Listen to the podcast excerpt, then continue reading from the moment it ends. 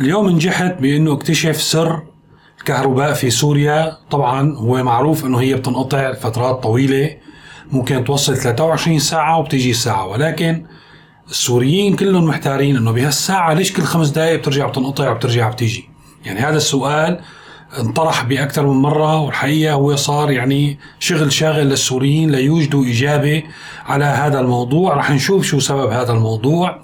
رح نحكي أيضا عن بدء محاكمة الطبيب السوري علاء موسى بعد ما انتهت محاكمة أو الحكم على أنور رسلان بالمؤبد آه، بتهمة آه، جرائم ارتكاب جرائم ضد الإنسانية. وآخر شيء بدنا نشوف الوضع المعيشي في سوريا من سيء إلى أسوأ ودور الحكومة وبالتحديد المؤسسة السورية للتجارة كيف عم بتأزم الأمور. فإذا مرحبا وأهلا فيكم باستعراض أحداث اليوم الخميس 20 كانون الثاني عام 2022 بلشت محاكمة طبيب سوري اسمه علاء موسى بعد ما انتهت الأسبوع الماضي.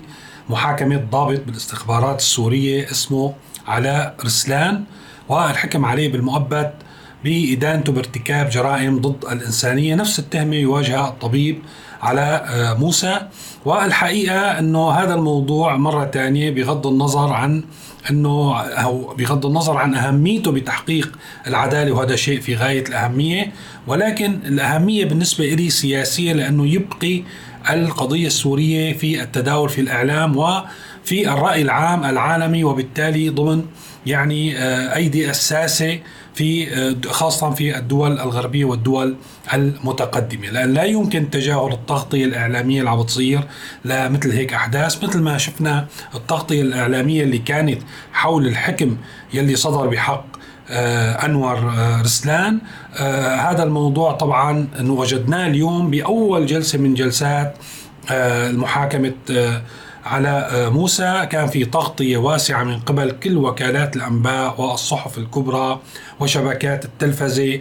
وكان في تغطية أيضا يعني آه، لافتة من قبل الإعلام الألماني في تقرير بالدوتشي فيلي اللي هو وسيلة إعلامية ألمانية كبيرة بتبث ب 30 لغة ونشرت الموضوع هذا بكل اللغات يعني المنتشرة في العالم العربية والإنجليزية والإسبانية والألمانية. حول الموضوع وحول تفاصيله والمهم إنه تربط هذا الموضوع بجرائم النظام السوري ويتم تقديم هالأشخاص على انهم طرف من اطراف أو يستخدموا النظام أو جزء من النظام السوري اللي عم يرتكب جرائم ضد الإنسانية وبيرجعوا بيذكروا بصور قيصر وقصة المعذبين في السجون. السورية والجرائم التي ترتكب يعني الإبادة الجماعية والجرائم ضد الإنسانية. حتى دوتشيفيلي غالت اليوم في الموضوع وذهبت أبعد من ذلك بكثير بأنه في سياق الموضوع تذكرت يعني الجرائم اللي كانت تصير بعهد النازية وقارنت الطبيب بطبيب أيضا لعب نفس الدور في تلك آه، الحقبة. هذا الموضوع بيحط الطبيب مو بس الطبيب والنظام يعني مساواة آه، نظام هتلر والجرائم اللي ارتكبها بموازاة الجرائم اللي ارتكبتها النازية وما لهذا من أثر يعني كبير ودور كبير في آه، يعني آه، سد آخر منفذ أو القضاء على آخر احتمال لعودة هذا النظام للحكم ولكي يكون فعلا هو موجود في مستقبل سوريا ويعود ليبني علاقات طبيعية. هذا الموضوع حكينا فيه أكثر من مرة وقت يكون هو في الرأي العام العالمي وهي أول جلسة. وبعد الحكم يلي صدر على أنور رسلان رح يكون في مواكبة لمحاكمات الطبيب آه إعلامية كبيرة ممكن تمتد هالقصة سنتين. عنا سنتين طبعا هي محاكمة ممكن تنشأ آه محاكمات أخرى في دول أخرى وهذا ما نأمله. آه رح يضل هذا الموضوع في التداول وراح آه، ينحط النظام محل ما لازم يكون بأنه ارتكب آه، جرائم وأنه لا مستقبل ل يعني هذا النظام في حكم سوريا. وهذا بخلينا نرجع للحل السياسي. اليوم في صوت خجول أو يعني تم تمرير في سياق أحد الأخبار مطالبة محمود مرعي اللي كان هو مرشح رئاسي في مواجهة بشار الأسد يعني في الانتخابات السورية يلي آه، صارت. آه، قال آه، في يعني في ما يخص معالجة الأزمة المعيشية أو الأزمة المعيشية داخل سوريا وأزمة الاقتصاد أنه لا حل لهذه الأزمات إلا بالوصول إلى حل سياسي. وأنا أتفق مع هذا الرأي وأستشهد فيه لأنه جاية من يعني قلب سوريا من دمشق. لا يمكن أن آه، يعني نصل إلى حل الأزمة المعيشية الكارثية اللي موجودة اليوم في سوريا وأزمة الاقتصاد إلا من خلال الحل السياسي. ومثل ما شايفين آه، هالأحداث هي هالمحاكمات وضع الأمور في سياق وتشبيه ما يعني أفعال النظام بالأفعال النازية يعني تقضي تماما على أي أمل للنظام باستمرار بحكم سوريا. فاذا الحل يعني أصبح بديهي بأنه نطوي صفحة النظام وننتقل إلى صفحة جديدة. دائما السوريين اليوم في حيرة من أمرهم. طبعا موضوع الكهرباء هو أم المشاكل وأم الأزمات في سوريا اليوم. يعني الطاقة مشكلة ولكن الكهرباء هي أكبر مشكلة تواجه السوريين. يعني يكاد أنه فعلا ما في كهرباء في سوريا اليوم. وهلأ رح نحكي بالتفاصيل. هالساعة أو الساعتين اللي عم تيجي فيها الكهرباء ما بتمكن السوريين من تشغيل الأجهزة وهي بتقطع على الدوام. يعني هالساعة ممكن كل خمس دقائق يصير في قطع دقيقتين ثلاثة أحيانا ربع ساعة بترجع بتيجي خمس دقائق وهكذا. وهذا الموضوع مشكل سر عند السوريين إنه هن بيقولوا كلمة إنه والله هذا قطع ترددي، شو يعني قطع ترددي؟ الحقيقة يعني أنا من خلفيتي يعني هي ما بدها هندسة القصة ولكن يعني كوني مهندس آه، إلكترون وساعدني آه، في الموضوع إنه شفت برنامجين بنفس اليوم. واحد تصريحات لمدير آه، يعني مؤسسة نقل وتوزيع الكهرباء والآخر هو تحقيق صحفي على الأرض حول مكافحة الاستجرار غير يعني النظامي للكهرباء في سوريا خلاني أفهم الموضوع آه تماما. خلينا نشوف أول شيء شو قال آه مدير مؤسسة نقل وتوزيع الكهرباء في سوريا. كبير من من الناس. آه، آه، فترة المفروض تكون فترة وصل أحيانا هي ساعة أو ساعتين. كل خمس دقائق تنقطع الكهرباء. شو يا جماعة والله ترددي؟ شو ترددي؟ يعني هذه الكلمة اليوم صارت عم تعمل استفزاز للمواطن. بس بس تقول له ترددي بيقول لك يا أخي يخلصونا من قصة الترددي. هل الربط بده يخلصنا من موضوع الترددي؟ نعم. الحمايه الترددية هي مثل الميزان. هي الفرق بين الإنتاج والاستهلاك. يعني أنا إذا عندي 2000 ميجا توليد لازم يكون عندي استهلاك 2000 ميجا. إذا زاد الاستهلاك عن ال 2000 ميجا شو بده ياثر بده تنزل التردد. يهبط التردد لقيم لا نسمح أن تهبط أكثر من ذلك لأنها ستؤدي إلى فصل مجموعات التوليد. فتوضع حماية الترددية تفصل أحمال بشكل أوتوماتيكي دون التدخل البشري في هذا الموضوع. فتفصل أحمال وبالتالي توازن الإنتاج مع الاستهلاك. فيصير في فصل حماية ترددية. إذا هذا الموضوع مرتبط بموضوع الحمل. موضوع الحمل الكهربائي عم بيكون أكبر من قدرة القواطع المركبة يعني على التحمل. خلينا نشوف القاطع وينه من خلال التقرير التلفزيوني. أي مشكلة؟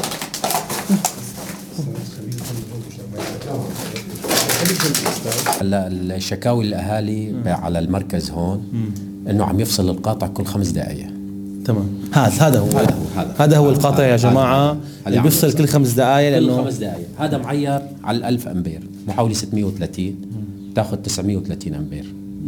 معير على ال 1000 إذا حملته أنا أكثر من ال 1000 بده يفصل مباشرة لأنه حساس بده يفصل. تماما. نحن مباشرة بيجي الطوارئ بيرفعوه بسبب الأحمال العالية عم عم ينزل. عندي يعني من أصل 3700 مركز تحويل في عندي 200 مركز تحويل عم تفصل قواطعه بسبب الأحمال العالية.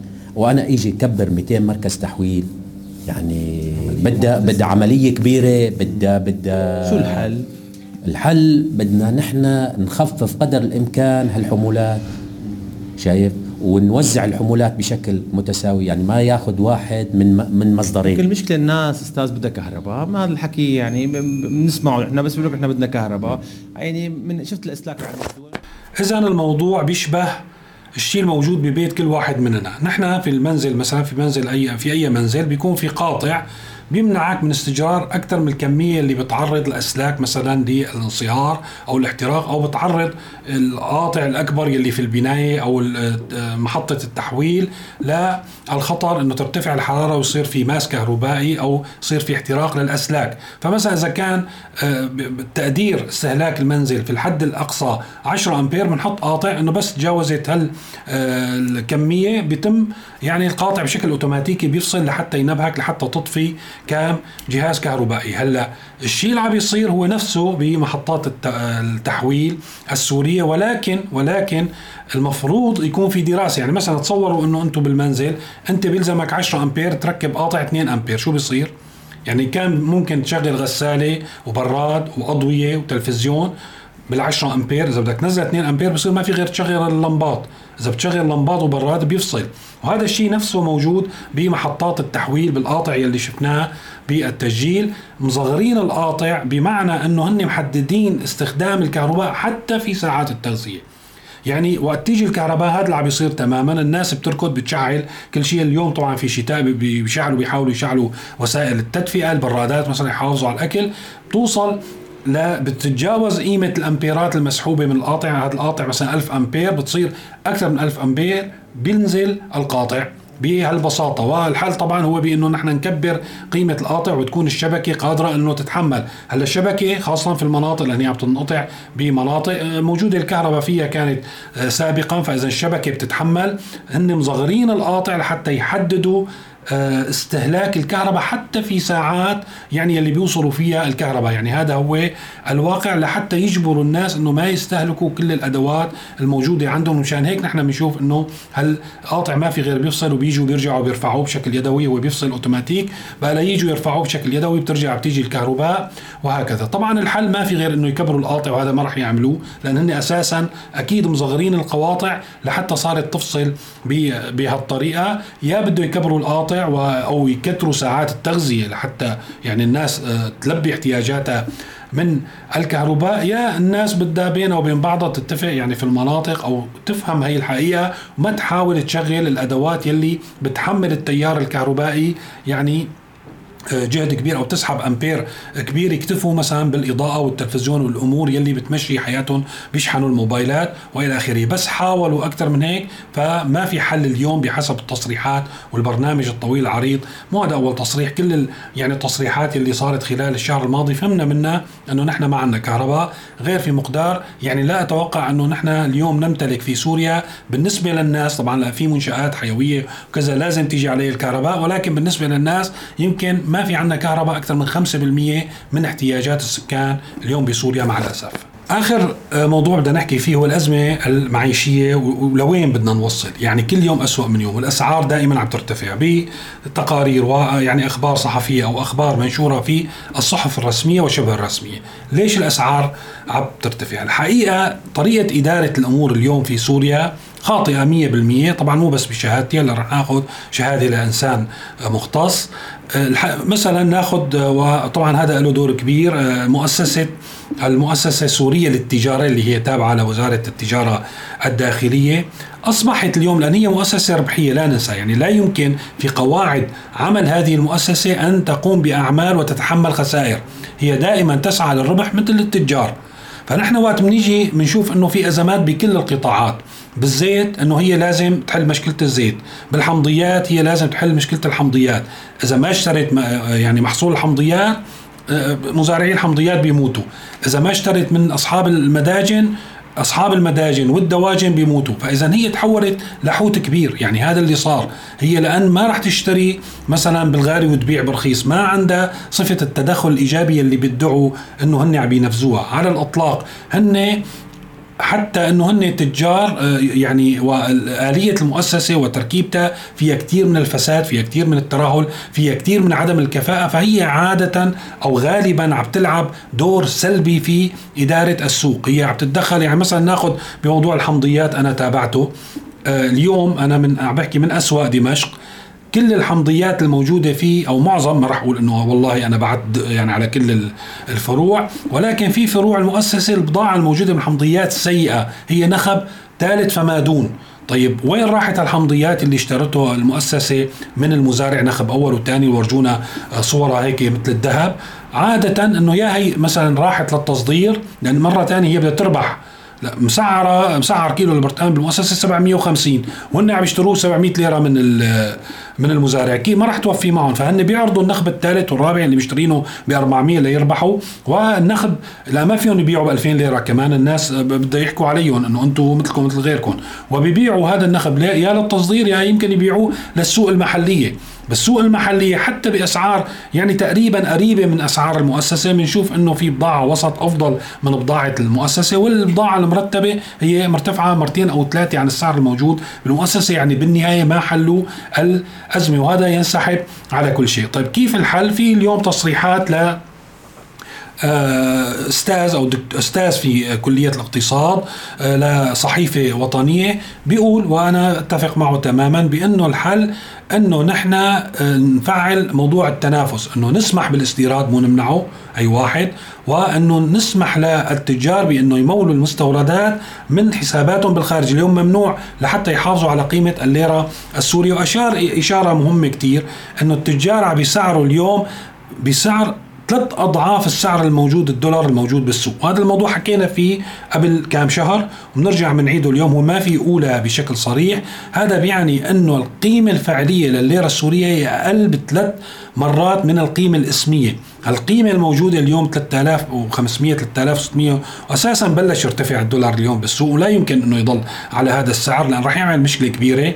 أنه هي ثلاث مرات أقل نتيجة سياسات التقييد اللي بتتبعها الحكومة نتيجة موضوع منع الاستيراد واستخدام الدولار في هذا ال- ال- الموضوع موضوع إنه آه، ربط الاستيراد بالتصدير بدولار التصدير المعروف بتقييد حركة السحب وتداول النقدية للليرة السورية مثبتين السعر ولكن عاملين مشكلة في كل قطاعات الحياة. لا يمكن بالنهاية الليرة بدها تستقر على السعر ال- اللي هي يعني ما معقول نحن نشوف الليرة بلبنان وصلت 30 ألف ونحن بدون اقتصاد قوي بدون ما تدور عجلة الاقتصاد بدون ما يكون في حل سياسي أنه والله الليرة تبعنا ثابتة. ليش؟ شو الأسباب؟ هذا التثبيت غير يعني غير حقيقي وسعر الليرة هو أخفض مما هو عليه بالقيمة الفعلية وبالتالي بتصير عنا هذه الأزمة. على الأقل في حال نحن أكيد راح يعمل مشكلة ارتفاع الدولار راح يسبب بغلاء آه، بالأسعار آه، يعني وهذا الموضوع الحقيقة ما كتير سهل. ولكن على الأقل على الأقل